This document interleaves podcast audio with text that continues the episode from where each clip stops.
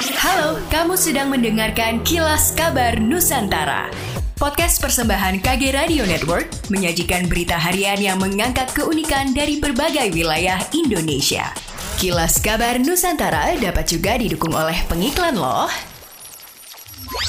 Pemerintah Provinsi DKI Jakarta berencana menggunakan Jakarta International Stadium untuk Festival Malam Takbiran dan Sholat Idul Fitri 1443 Hijriah. Hal tersebut disampaikan oleh Kepala Biro Pendidikan Mental Spiritual atau Dikmental DKI Jakarta Gunas Mahdianto. Peringatan Ramadan tahun ini di Jakarta akan memiliki rangkaian acara yang meriah dibandingkan tahun sebelumnya. Harapannya agar masyarakat bisa kembali semangat menjalani ibadah dan tetap husu dalam menjalankan puasa Ramadan. Selain dua kegiatan yang sebelumnya, ada beberapa kegiatan lain yang menjadi bagian dari Festival Ramadan tahun ini. Ragam kegiatan selama Ramadan 2022 dari Pemprov DKI Jakarta di antaranya adalah munggahan Ramadan dengan para pimpinan lembaga dan organisasi masyarakat Islam pada 1 April 2022, ornamen Ramadan dengan menghias ruang publik seperti logo, umbul-umbul, dekorasi khusus Ramadan di Jakarta yang berkolaborasi dengan swasta. Ornamen bertemakan Ramadan dari tanggal 26 Maret sampai dengan 1 Mei 2022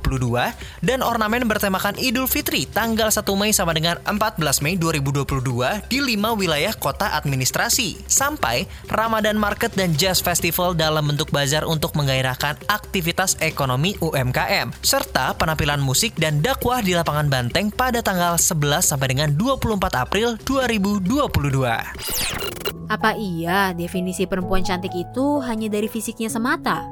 Yuk simak pengalaman para perempuan dalam pertama kali berhijab, penyitas perundungan, hingga pejuang jerawat hanya di podcast Semua Bisa Cantik. Persembahan Stylo Indonesia dan KG Media.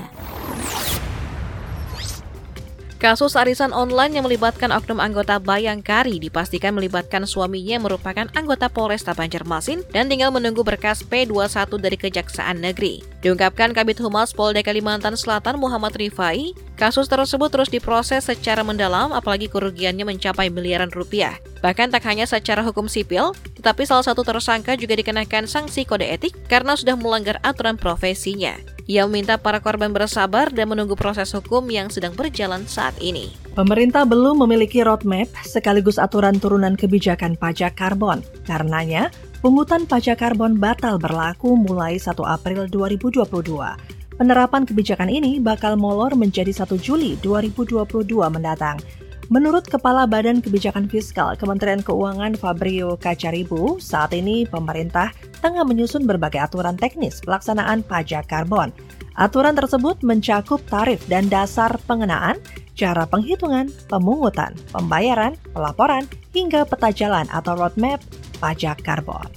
Demikianlah kilas kabar Nusantara malam ini.